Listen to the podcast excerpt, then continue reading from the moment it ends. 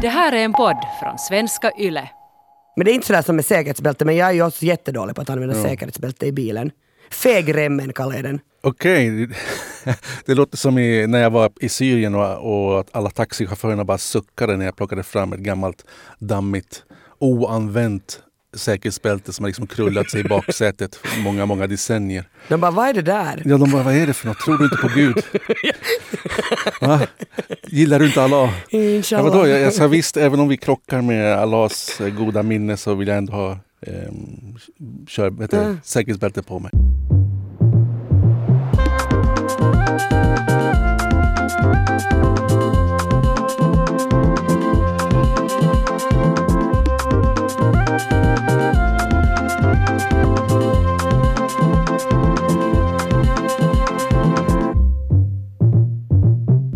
Välkommen till Sällskapet, en kulturpodd med samhällsperspektiv. Sällskapet består av mig, Kia Svetihin, och den här gången så sällskapar jag med Peter Alfakir. Välkommen! Tack så mycket. Vad, Peter, har du tänkt prata om idag? Jo, jag har tänkt på det här med att det är många som har problem att hitta en bostad. Och man, det man bor i andra eller tredje hand i Stockholm och i Helsingfors. Och mycket av lönen går ju just bara till hyran. Men jag har gjort mina eftersökningar och jag har hittat en lösning och den heter husvagn. Okej, spännande. Man kan åka omkring i sin husbil då. Bo Ja. på olika ställen, vad man vill. Jag kommer att prata om någonting som både växer och eh, sen försöker man febrilt raka bort det. Det här är snyggt på vissa ställen och sen är det snuskigt på andra ställen. Men alla har det. Jag ska alltså prata om hår, hårets betydelse som både kulturell markör men också om eh, kroppsbehåring. Jag har prövat nästan allt som finns att välja på. Kampa, hyra båtar, paddla, cykla eller gå. Jag har semestrat på de allra konstigaste sätt och äntligen jag funnit hur man ska semestra rätt Man ska ha husvagn Det är bra gung. Är det Jävligt skönt. Alltså, faktiskt tycker jag ändå om man lyssnar lite till.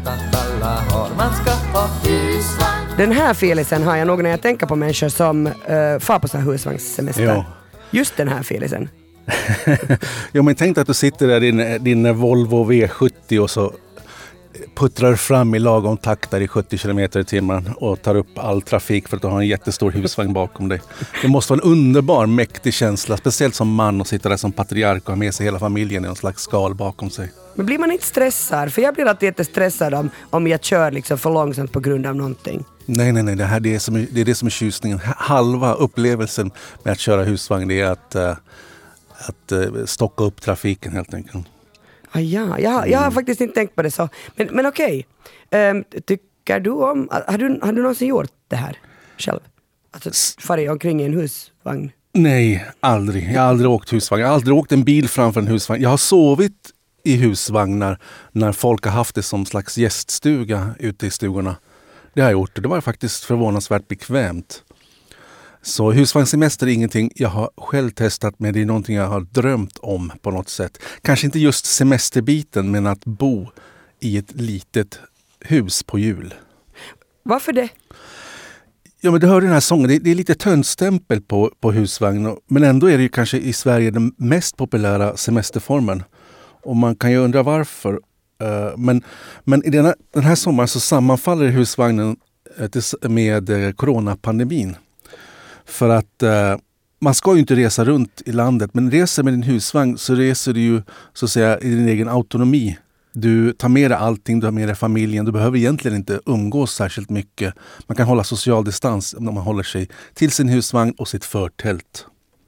Eh, ja, och, och sen tänker jag också alltså uh, att, att, men det kanske det var exakt det du menar, när man har liksom Alltså den där känslan just nu när, när man ändå rör sig bland folk är ju att man inte vill röra vid andra jättemycket men att du har just ditt eget kök och du har liksom, du behöver inte gå, Nej. alltså om du är på ett hotell så måste du ju faktiskt alltså röra dig där andra människor rör sig men här har du då som Skalman med dig ditt eget hus. Ja, som en snigel som Ja. ska man ha med sig sitt eget hus och alla sina grejer.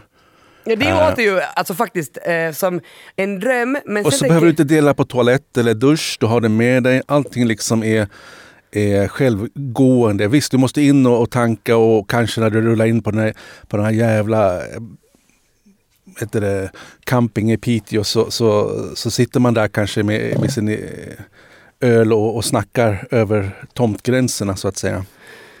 Jag tänker bara att det som skulle vara för mig jobbigt med den där husvagnen är att man måste köra den. Jag blir alltid jättestressad när jag måste köra någonstans. Ja men då får du skaffa någon som älskar att köra långsamt då. En man! För är det inte så att man... Men, Det är, varför är det alltid män som kör? Om du ser två människor i en bil så är det alltid mannen som kör. Vad är det? Vad är det?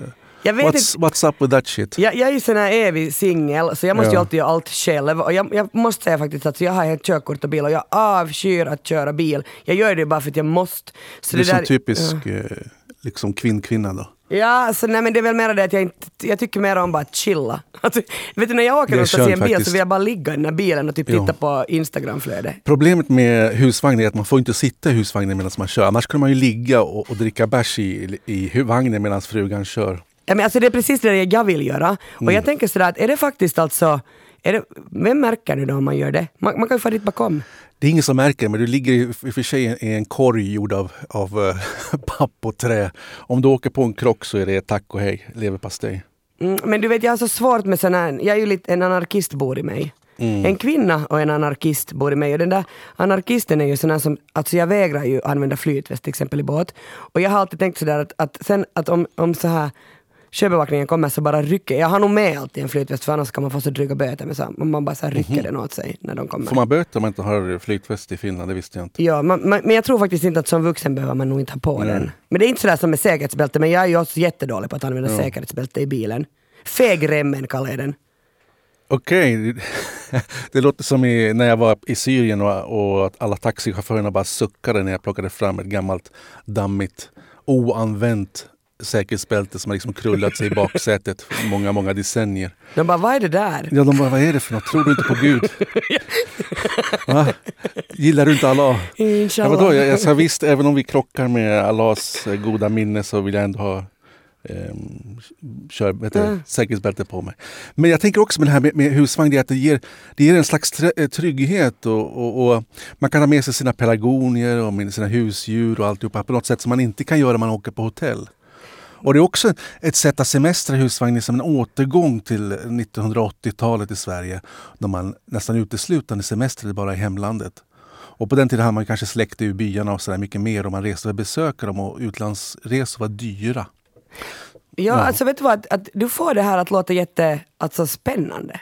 Ja, det är spännande, men, men kanske just semesterformen är inte det jag eh, är mest fascinerad över. Utan jag är mer, jag kan inte tänka mig något värre faktiskt än att rulla in på en camping en småregnig dag i en finsk håla och, och liksom försöka klämma sig in i en ruta och, och lyssna på grannarna som dricker Karjala och lyssna på Freddy och Eddie och Boomfunk MC och allt det där skiten. Det, det, det kan jag vara utan. Men, men free camping eller, eller free, eh, vad heter det, booning vad det heter på, på engelska. När man åker ut någonstans med sin husbil eller med sin husvagn och ställer sig i naturen. Man kan, det finns till och med forum på nätet, man kan kolla var kan man ställa sig. Man kommer gratis så att säga i Sverige. Och jag, jag tittar på sånt forum och, man, och jag körde med bilen så var det en jättebra tips på Gotland till exempel. Man körde ända fram till, ste, till havet och kunde stå där och så vakna upp nästa morgon och så var helt ensam med sin, med sin bil. Då bodde jag i en bil med min, min son. För, det är sant det där att, att de där grannarna kommer ju lite tätt på på en campingplats. Så man vill ha den här friheten. Jo, varför, precis som jag intervjuade ett par i, i Malmö som bodde i Limhamn. Eh, och de hade en stor villa där men ändå så flyttade de in varje april, för det är lite varmare i Malmö, i sin, i sin husvagn som stod på campingen ett stenkast bort. Och så flyttade de in där hela sommaren, bodde där och så umgicks de med campingmänniskorna. Det är någonting också nästan kultartat det här med campingmänniskor. Det, det, det finns något obehagligt i det där att de älskar varandra så otroligt mycket. Svårt att komma in i om man inte vill. Men de gick omkring där på campingen med sin lilla hund och så snackade med alla. Det var många pensionärer också som hade övergett sin, sin lägenhet i stan och flyttat ut där permanent och, och köpt en, en eh, husvagn.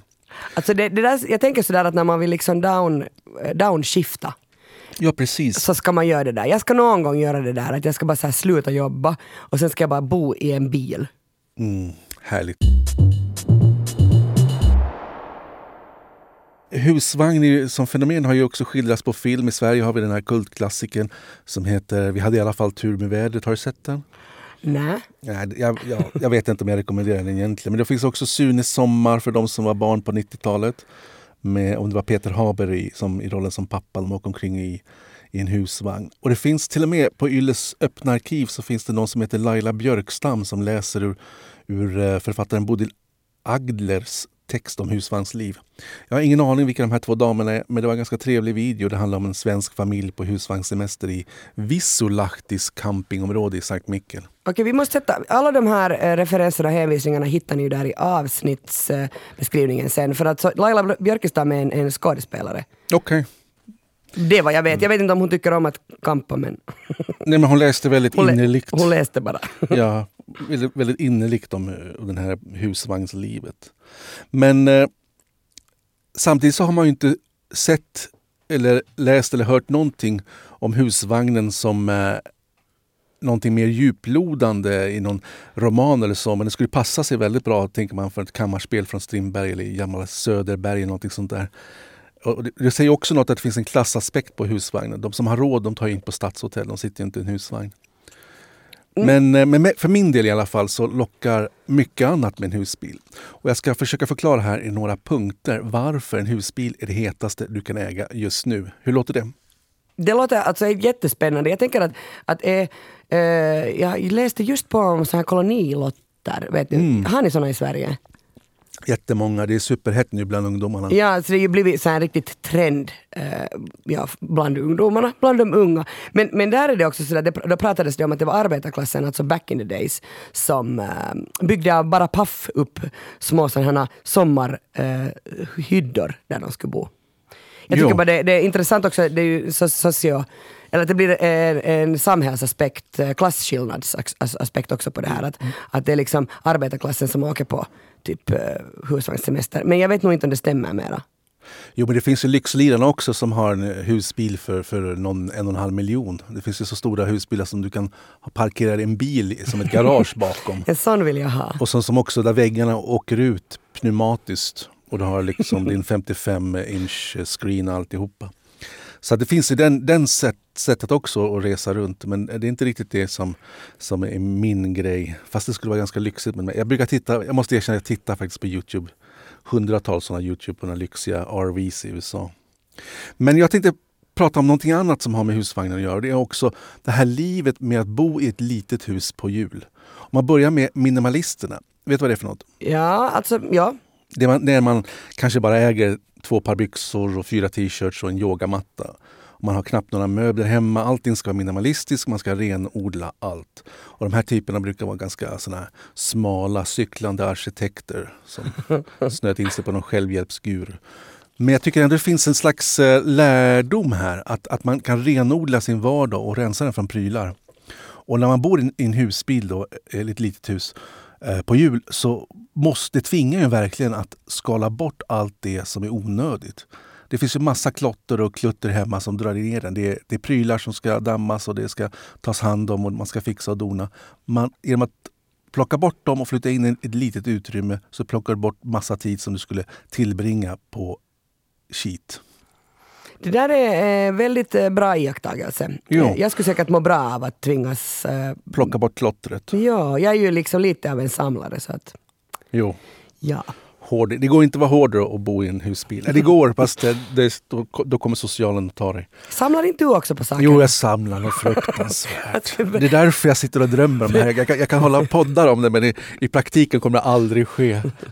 Om jag ska bo i en husbil måste jag ha liksom en husbil med släp. för alla dina Ja, saker. för alla mina... Det är liksom förtar hela grejen.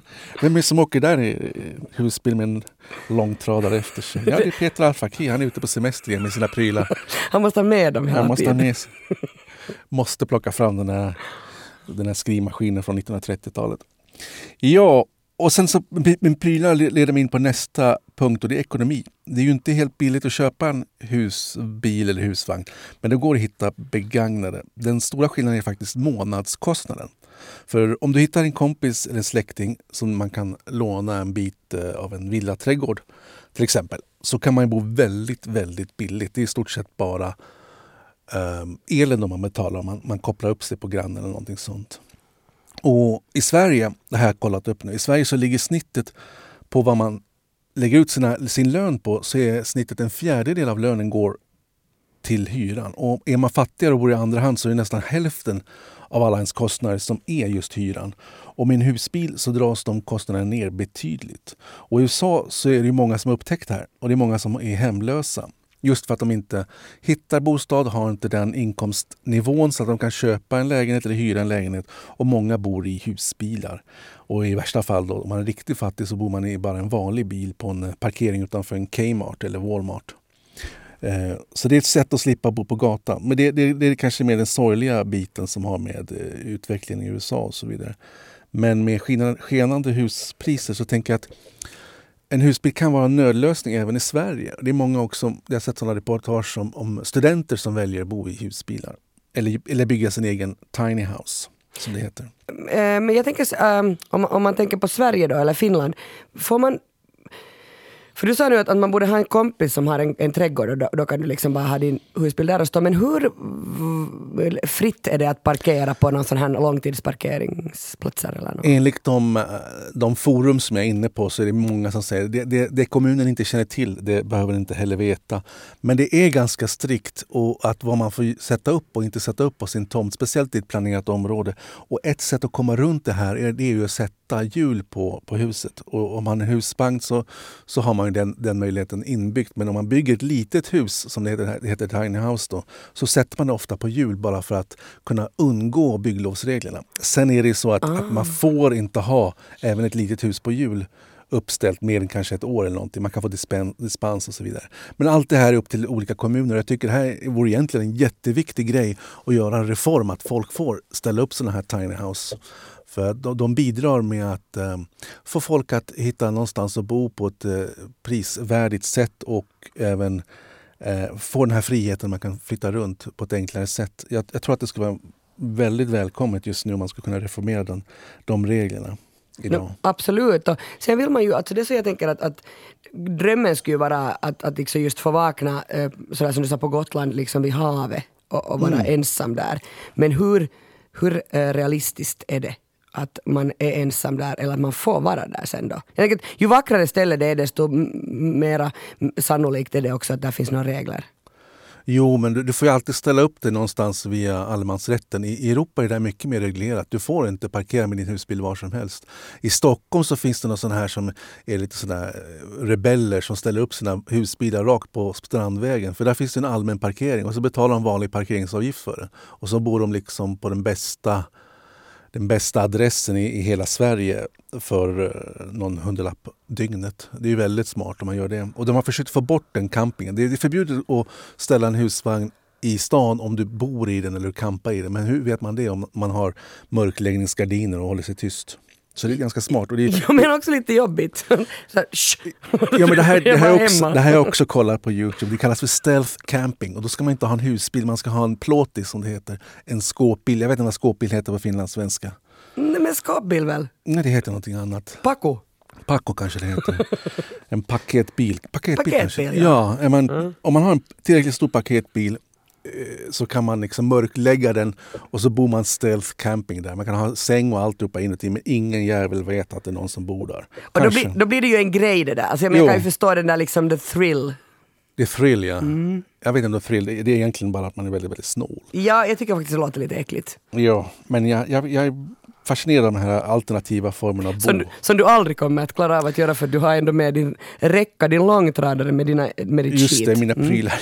det, det, är bra, det är en bra, vad heter det, alibi. Det är mm. ingen som tror att jag bor bland skitet. Eller hur? Jag bara öppnar upp och säger, titta det här är en packis, det är bara massa prylar. Ja. Och längst ner i ett hörn, längst in, där bor jag. Det är mitt rullande lager. Ja, i lager, lagerlokal.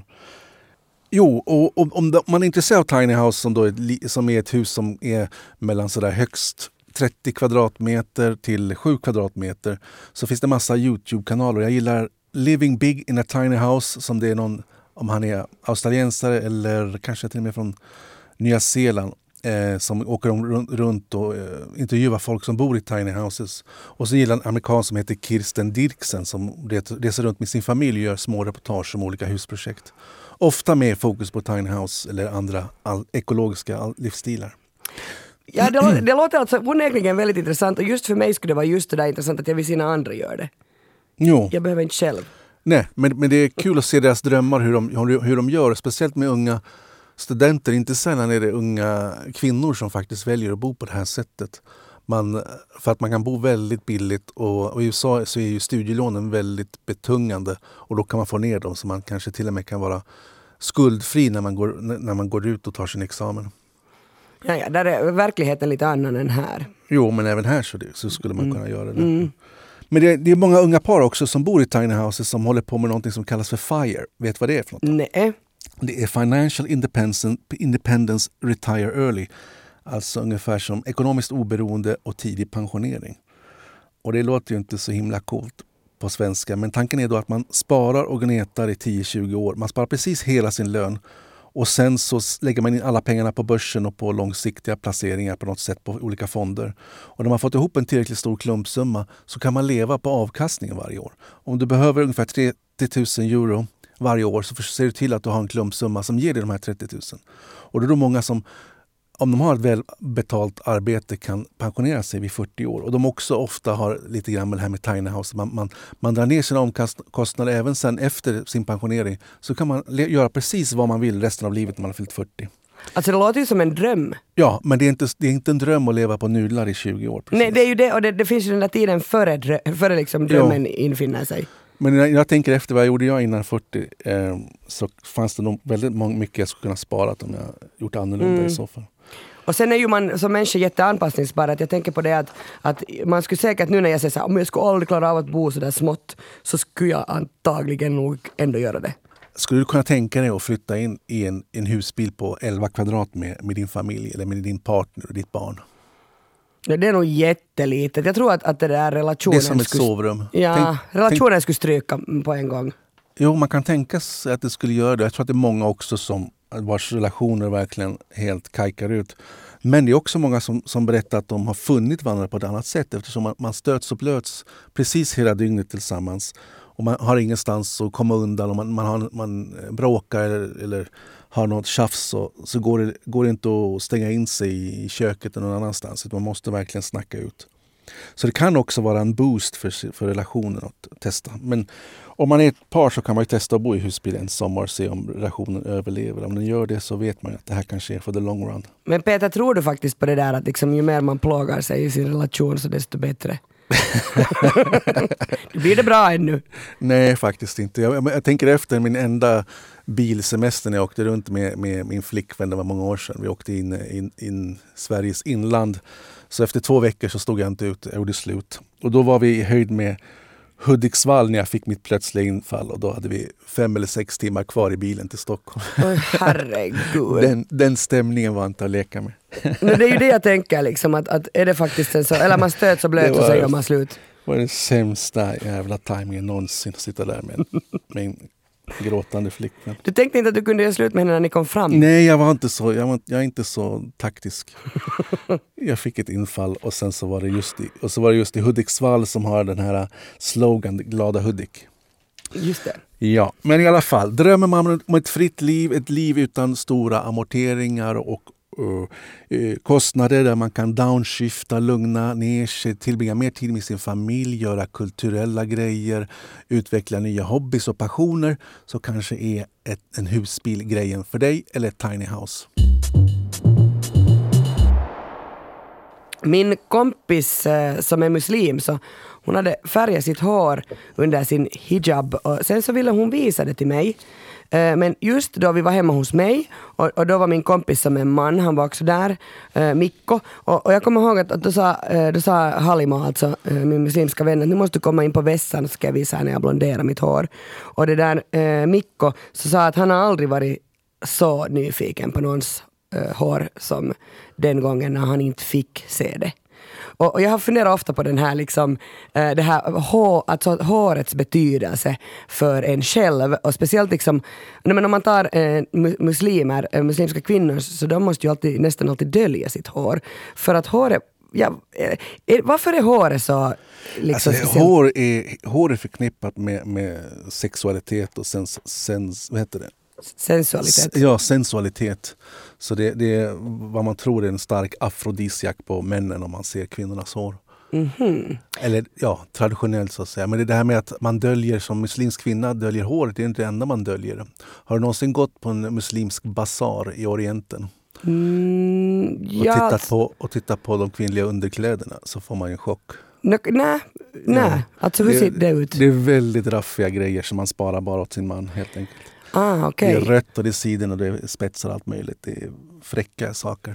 Och, och det liksom får bara mannen. Så jag tänker med, med just min kompis så, så det där, jag frågar faktiskt av henne också att varför, hur orkar du färga ditt hår? Liksom, jag menar man blon- blonderar sitt hår så blir det dessutom ju Alltså det lider ju av den veteperoxiden men, men, där- men Halima var sådär, nej men vadå, jag, jag är ju jätteofta utan eh, hijab. Det är ju bara liksom på gatan jag inte kan ha den. Så Ja. när hon är hemma är hon ju alltid utan hijab.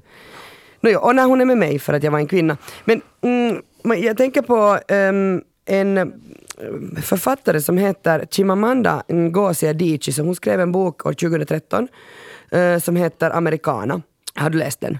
Nej. Den handlar nu väldigt mycket om eh, bland annat kärlek och hemlängtan men framförallt handlar den jättemycket om, om hår.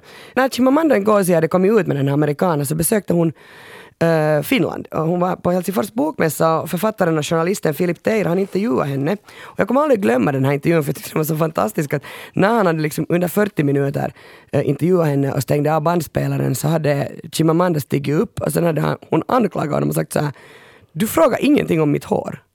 Och jag vill att du tillägger att jag har en traditionell nigeriansk frisyr. Så här såg min mamma ut på 60-talet. Och när jag ser mig själv i spegeln är det eh, henne och min mormor jag ser. När den här Adichie ska ha sagt då. Och Ja. det, det är liksom att, att det är en sån stolthet och, och, och just att, att laga de där mm, olika flätorna så att, att det blir liksom en, ett konstverk eh, på huvudet. Och hela den där boken är, ger nog en, en sån inblick i, eh, i, i, i det här hela konstverket.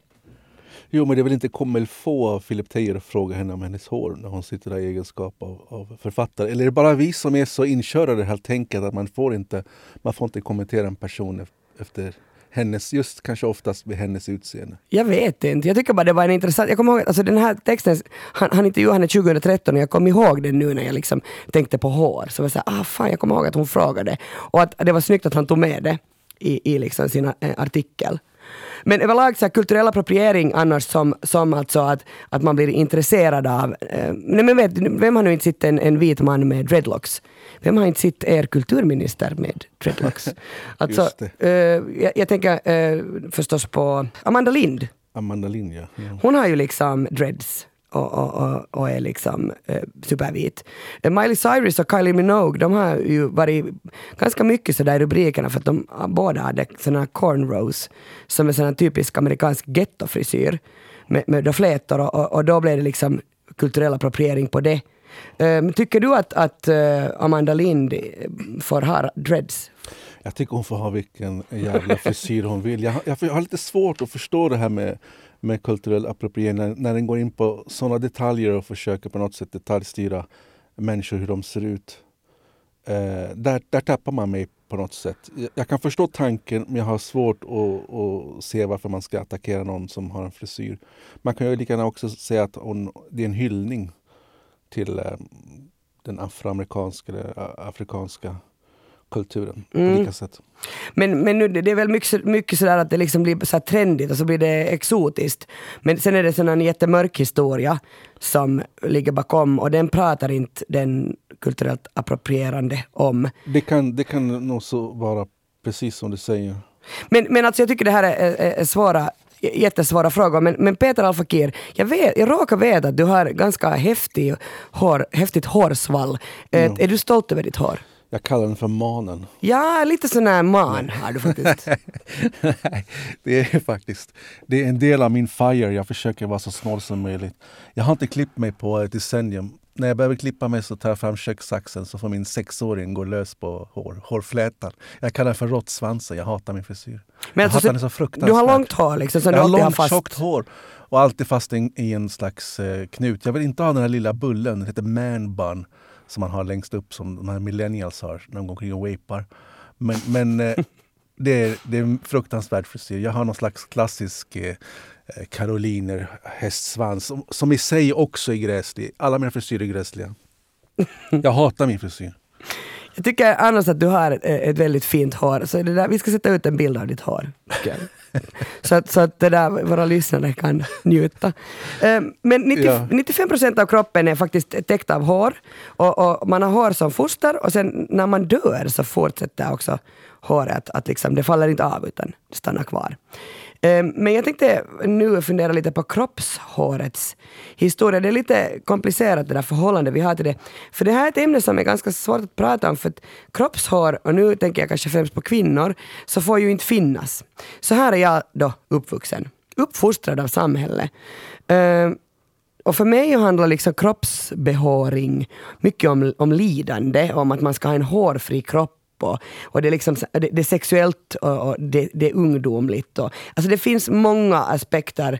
Alltså det är inte bara att raka sina ben för Men mig. hur är rakar du benen då? Nå nej, för jag har blivit så lat. och gammal. Men det är mer väl det att jag inte orkar. Men Alltså- rakar du under, under armarna då? Ja, det gör jag väl så alltså jag kan säga så här, om, om, om jag fyller just eh, 40 faktiskt och då var jag så här, okej, nu när jag fyller 40 så ska jag raka mig. Så tänkte jag. Att det blev liksom en gåva till mig själv, men jag orkar inte riktigt. Därför det, det tar så lång tid och jag är alltid liksom försenad och alltid på väg någonstans. Också när jag ska duscha. Så är jag såhär, oh my god, jag har så lite tid nu. Eh, jag tror bara att jag inte orkar. Så lätt ja. Men det finns ju också många kvinnor som har ansiktsbehåring. För dem kan det vara ett, faktiskt ett stort problem. Och jag läste också, alltså när jag läste på inför det här, att eh, män och kvinnor har alltså samma mängd eh, hår, alltså kvantitet, sen är kvaliteten olika. Men vi har alltså också Okej. kroppsbehåring i ansiktet, men den liksom är ju förstås inte som, det, det växer ju inte skägg på oss. Men så här på benen, så det växer på män, det växer på kvinnor, men det är bara kvinnorna egentligen som genom tiden alltid har nästan blivit tvungna att få bort det där håret. Att man säger liksom att, att för länge sen, alltså jättelänge sen, så använde man olika hopkok som fågelbajs och arsenik och kvicksilver och urin. Och man sa liksom att ju vidrigare den där hopkoken var, så desto bättre. Och desto bättre effekt trodde man också att, att man, man liksom hade på sina eh, Alltså på, på, att det, det, det, det, håret, man fick bort det bättre om det var äckligare röra som man smetade ut. Så man använde liksom sån här sugaring, så här, som vi använder vax idag. Ja. Och, och liksom då var det också så att man skulle framhäva sina muskler och allting skulle vara mjukt och lent. Men- alltså där vi pratar om antiken nu. Du pratar om antiken, jag tänkte, för jag tänkte på min egen mormor. När jag såg henne naken så var jag liksom förbluffad vilken muff hon hade. Så Mm. jag, jag tror inte det gäller precis generationerna innan oss. Nej, och, de, och, de, och, det, och allting liksom är förstås att det är, en, det, den här, det är en föränderlig tid vi lever i. Eh, men kroppshår hos män så eh, har alltså faktiskt varit så att under antiken så tyckte man att det var jättefint med blanka, blanka bröst liksom. Att man, man fick inte ha ett hårigt bröst. Just det, som här i spartanerna. Ja, men, men medan kvinnor alltid har manipulerat bort äh, brösthår. Sen tänker jag så här, men på 70-talet så fanns det sådär lös brösthår för män. Man kunde klistra på det. Det. Eh, men det blev aldrig liksom jätte... Om man, om man vill se ut som Tom Jones. ja, men det som sagt blev aldrig pop. Då, på 70-talet också så tänker man ju så här, men det var väl då som 60-70-talet så blev det ju så här fritt att, att alla fick väl se ut som de ville och man fick liksom vara håriga. Eh, men, men 70-talet var inte alltså så frisinnade som vi skulle vilja tro. Eh, utan det var så att, att man fick nu låta den där busken växa där under armen men att man skulle nog raka sina ben. Liksom. Att, att låta armhålans hår växa det var ett ställningstagande men benet, benets hår tog man ändå bort för att man ville ändå vara sexig. Eh, och, och det där, det här är ju alltså generaliseringar, det är ju klart att det finns uh, avvikelser. Uh, men uh, jag tycker bara att det är intressant också det här med att när den här, när den här man, manliga, liksom det att man skulle börja raka, alltså att män också började raka sig, så kom på 80-talet mm, i och med att gaykulturen liksom blev så här starkare. Och det kom en Calvin Klein-reklam år 1982. Och, och där var det där mansidealet det att det var liksom ett par jättetajta kalsonger och sen var den här mannen helt renrakad och inoljad. Och då fick den här att okej, nu måste männen också börja raka sig. Rakar du liksom din kropp, Peter? Så jättekonstigt om du skulle säga så här, jag brukar olja in den. Raka den, olja in den. Jo, jag ska med åsnemjölk. Nej, jag rakar inte min kropp något eh, särskilt. Ibland trimmar jag skägget när det blir liksom för bångstyrigt. Um, men det, jag, jag, jag har tur. Man kan tänka sig att jag, eftersom jag är halvarab så skulle jag ha någon fruktansvärd eh, ryamatta på ryggen och så. Men jag är förvånansvärt hårfri. Jag har haft många, eh, många flickvänner som har varit betydligt hårigare än jag själv. Vad bra att höra att vi är alla olika. Lite matta har jag på bröstet men det, det, det är ganska Ja, det är ganska glest. Ja, jag ska inte köpa dig en sån där 70-tals Nej, det behövs inte. Det, det. det finns. Det där, men det, är intressant också att om man tittar på kla den klassiska konsten så finns det inget hår hos kvinnorna där heller.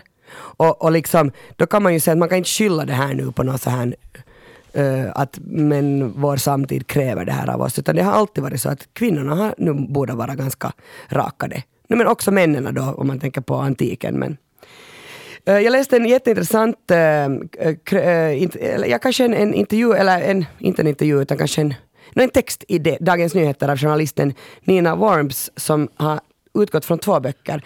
Bland annat Norma som kommer 2015 av Sofie Oksanen och sen uh, en annan som äh, är skriven av amerikanska historikern Rebecca M. Herzig som heter Plucked A History of Hair Removal. Och, och, det är kanske mera den som jag tyckte var intressant. Alltså Norma som är den där Sofie Oksanen, jag vet inte varför jag sa det så här på äh, amerikanska just, men Norma heter den ju alltså. Så uh, den handlar om så här hår, hårförlängningar men jag tycker också att det är intressant om man talar om Sofie Oksanen, hon har ju rasta, hon har ju också dreads. Och det är så här blått och, och, och, och mycket flätor. Det är så här, du vet henne så, det är ju enormt. Jo. Jag läste att, det tar 12 13 timmar för henne när hon far och fixar sina rastan till en frissa. Sitter hon där över, över liksom en arbetsdag. Jo. Den här Rebecca M. Herzig eh, säger att, att det senaste decenniets skäggtrend eh, är, är liksom superintressant. För där legitimerar den manlig fåfänga och förstärker maskulin, maskulinitet. Men jag tycker att det är så jätteintressant med, med skägg på det sättet. Om, om man då tänker på om vi igen går tillbaka i tiden så har ju liksom skägg under antiken varit en, en indikator på att man är, man är vis. Du är en vis man om du har skägg. Eh, men samtidigt är ju gränsen mot att om du låter det växa lite för mycket så, så kan det också vara så att, att du är galen. Vet du, så här, en skäggig man kan verka galen för att så en det beror på vad, om man har halva menyn i, i skägget eller inte. Det, det, det, det, är, vad som, det är vad som sticker ut. Där. Nej, men sådär att om man inte har vårdat sig så blir det liksom ja. att då blir det så att du är tokig. Uh, men i varje fall, uh, i början av 1900-talet så upptäckte Gillette att nu kan vi sälja så något som heter rakhyveln. Och, och, då blev det så här jättemycket enklare för alla män, för då behövde man inte mera gå till en professionell eh, barberare, mm, utan man kunde liksom raka sig hemma.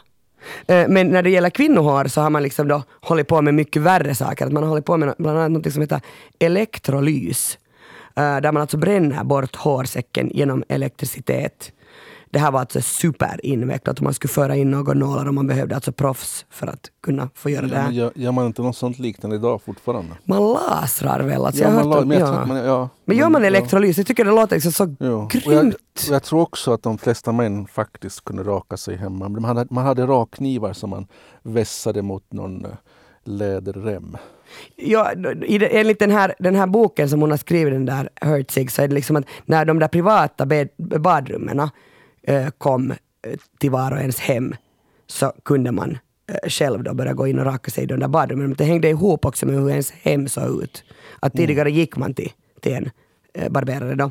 Men um, röntgen använder man också och alla var såhär, åh röntgen är så bra, med röntgen får vi bort liksom håret. Och, och, och ändå varnar läkaren så att, att det kan nog hända att du får cancer, men det, det hindrar inte kunderna för det var ändå viktigare alltså att gå ja. och få bort det där håret. Tänk Hårets det, förgänglighet. Jo, men där har du ju en, en pendang, en parallell till idag. Det är många eh, afrikanska kvinnor som tar sådana här blekningsmedel för att bleka sin hud och se, se lite ljusare, helst vit ut. Och de, har, det har visat sig att många av de här blekningsmedlen är väldigt starka kemikalier som också är cancerogena. Så det, det, det fortsätter även idag det här med att man, man eh, vill man vara fin så får man lida pin. Ja verkligen. Jag tänker, jag tänker att sätta ner all den här tiden och sen liksom är det jättefarligt. Jag menar jag är faktiskt som du, att jag orkar inte ens gå till frissan och klippa liksom huvudhåret. Mm, du, kanske inte, du kanske inte låter din son klippa dig? Nej, nej jag klipper det inte alls. Jag, jag har gjort så istället. Ja, det är också ett sätt. Det är också ett sätt. Det får, det får liksom nötas. Men det, så här, dagens unga tänker jag ändå på att, att, att det är ändå väl en, en form av förändring. Kommer du ihåg um, Eh, för några år sedan när Eddie Izzard eh, besökte Sverige så var den där konferencieren Shima Niavarani, så hon hade liksom hår under armen och då blev alla bara så här, bara jubla när hon lyfte upp eh, armen. Men samtidigt kommer jag ihåg för några år sedan, kanske det var 2012, när en kvinna under Melodifestivalen visade sin håriga armhåla. Då blev liksom det ett ramaskri. Människor var sådär, oh gud vad äckligt. Uh, så jag balanserar väl lite inför det här, liksom, att är det okej okay att vara hårig som kvinna idag? Eller kanske också då som man. Um, eller är det inte? Jag tror, att, att, jag tror att man som kvinna glömmer bort att uh, det finns hemskt mycket olika män. Och alla har sina egna preferenser.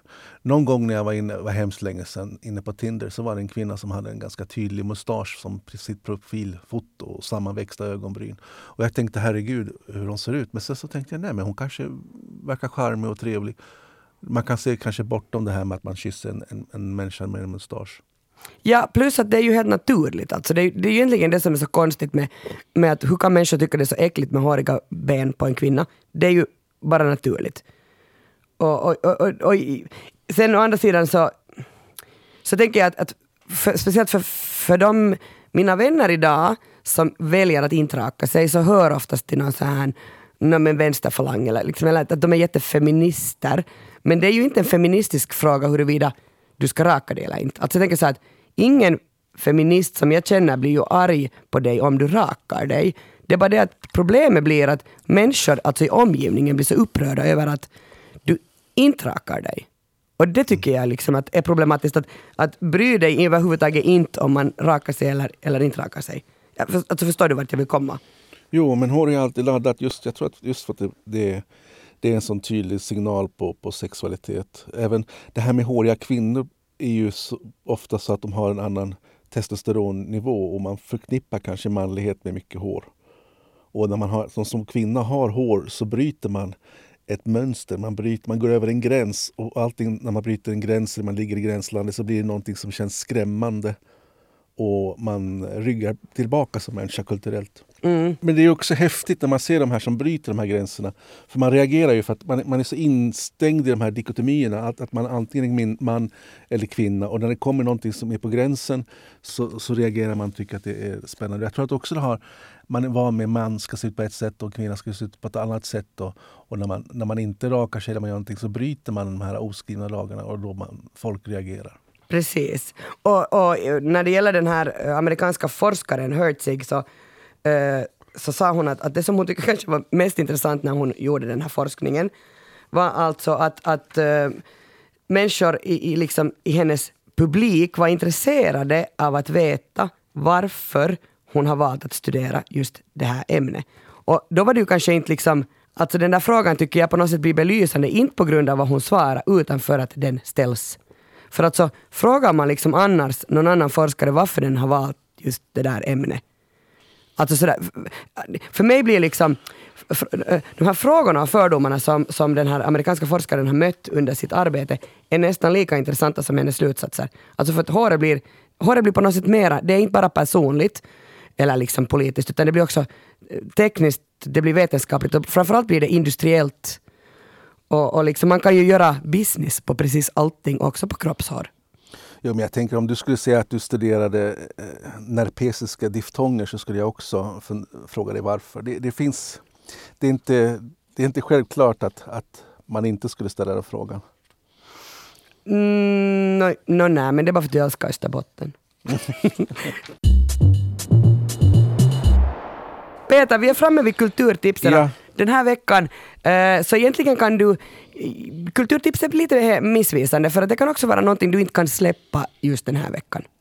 Ja, och det kan också kanske vara någonting man tycker är faktiskt ganska dåligt men man ändå vill lyfta. Precis. Och jag, håll, jag är ju helt insnöad på dåliga science fiction-filmer. Förra gången så tipsade jag om Michael Bays Transformers som är också helt... Ja, Eh, det, den går inte heller att rekommendera kanske eh, på ett kulturellt plan. Men den här gången har jag sett Divergent som går på Netflix. Och Den bygger då på en bok av Veronica Roth, eller Roth som är född 1988. Det är alltså en ganska ung eh, författare. Och Filmen handlar om en ung kvinna som heter Triss Pryor och hon bor då i en, en dystopisk framtid där alla hör till olika klaner och kaster. Och hon är född i den osjälviska fraktionen som det heter. Och andra klaner kan då vara modiga, de kan vara intelligenta, de kan vara snälla, de kan vara ärliga klaner. Och när man kommer till en viss ålder då, som tonåring så får man välja. Man är född i en viss kast, men när man blir tonåring så får man välja vilken klass man vill tillhöra. och då genom olika initiationsriter. Och uh, Triss väljer då den modiga som är då också i det här kastsystemets krigare. Men kort sagt, filmen suger. Det är skådespelet och specialeffekterna är liksom under all kritik. Men det intressanta som hon, den här Veronica Roth uh, har gjort det är att hon har på något sätt gjort en framtidsvärld som är uppbyggd, tycker jag då, som ett jättelikt high school. Och i en high school finns det också, eller en gymnasium, så finns det alltid de coola, de smarta, det finns gotharna, det finns sportnissarna och så vidare. Och alla föraktar varandra och man kanske inte umgås så mycket över gränserna. Och det, på något sätt så finns det ett kastsystem, också hierarkiskt, vilka som är häftiga och inte häftiga i ett gymnasium. Och att man då, precis som i den här filmen, så måste man välja vilken kast vill jag tillhöra på det här gymnasiet. Så jag tyckte det var spännande att, att göra den, den den iakttagelsen, den här usla... Eh, men det är ofta så med science fiction-filmer att de, de säger inte så mycket eh, om just det de berättar utan på ett annat plan lyfter de fram någonting i samhället. Det låter som ett utmärkt tips. Uh, om det där är någonting du kan titta på så jag kommer att tipsa om ett sommarprat. Det är faktiskt så här att jag har inte njutit av sommarpraten på flera år. Och det är liksom för att sommarpraterna, både liksom P1s sommarprat och sen de som vi har på Vega, Ylevega då. Så eh, de har gett, fått ge vika för alltså bland annat sådana fantastiska poddar som Sällskapet. Ja, men det finns så mycket on demand du kan välja nu att lyssna på. Så jag har lite svårt att lyssna på, på Sommarprat. Jag tycker att de, har, de är lite det, de är lite gammaldags. De, de är lite, de, de är has-been. Uh, eh, men jag ska säga ändå att nu behöver ni inte lyssna på något andra sommarprat än det bästa sommarprat jag har hört i år. Och det är journalisten Patrik Svensson, författare till Ålevangeliet som ägnar sitt sommarprogram åt havet och väldigt bra musik. Den här, eh, det här sommarpratet kom 11.7.2020. Och det där, han, hans program kretsar alltså enbart kring havet och jag alltså älskar havet så kanske också därför jag tyckte det här var så bra. Men, men 80 procent av haven är helt outforskade och man lär sig alltså massor. Uh, och det som jag tycker är så snyggt uh, med författaren och uh, Eh, skribenten Patrik Svensson är att, att han liksom inte pratar om ålar överhuvudtaget. Alltså det skulle vara ganska lätt att göra ett sommarprat och prata om en bok som har blivit liksom, man har vunnit Augustpriset för och så internationellt bästsäljare. Men han nämner det inte en gång överhuvudtaget. Och, och, och därför man lär sig jättemycket genom att lyssna på hans prat. Plus att någon liten jävel har gjort en playlist på Spotify med alla eh, Patrik Svenssons låtar. Uh, musiken i Patrik Svenssons Sommar i P1 2020 heter den där playlisten på Spotify. Och alltså han har på riktigt helt extremt bra uh, musiksmak. Han alltså tycker ju det själv också förstås. Men bland annat Frank Ocean, Peps Persson, Femi Kuti och så vidare spelar han. Så det är mitt uh, kulturtips den här veckan. Och vet du vad Peter, att när man har det som roligast så måste man sluta för då blir festen som bäst. Så jag säger tack Peter för det här samtalet. Tack så mycket. Alla referenser och hänvisningar hittar du i avsnittsbeskrivningen på arenan. Och nästa vecka sällskapar jag med Maria Biffen Ahonen. Vi hörs. Hej då! Hej då!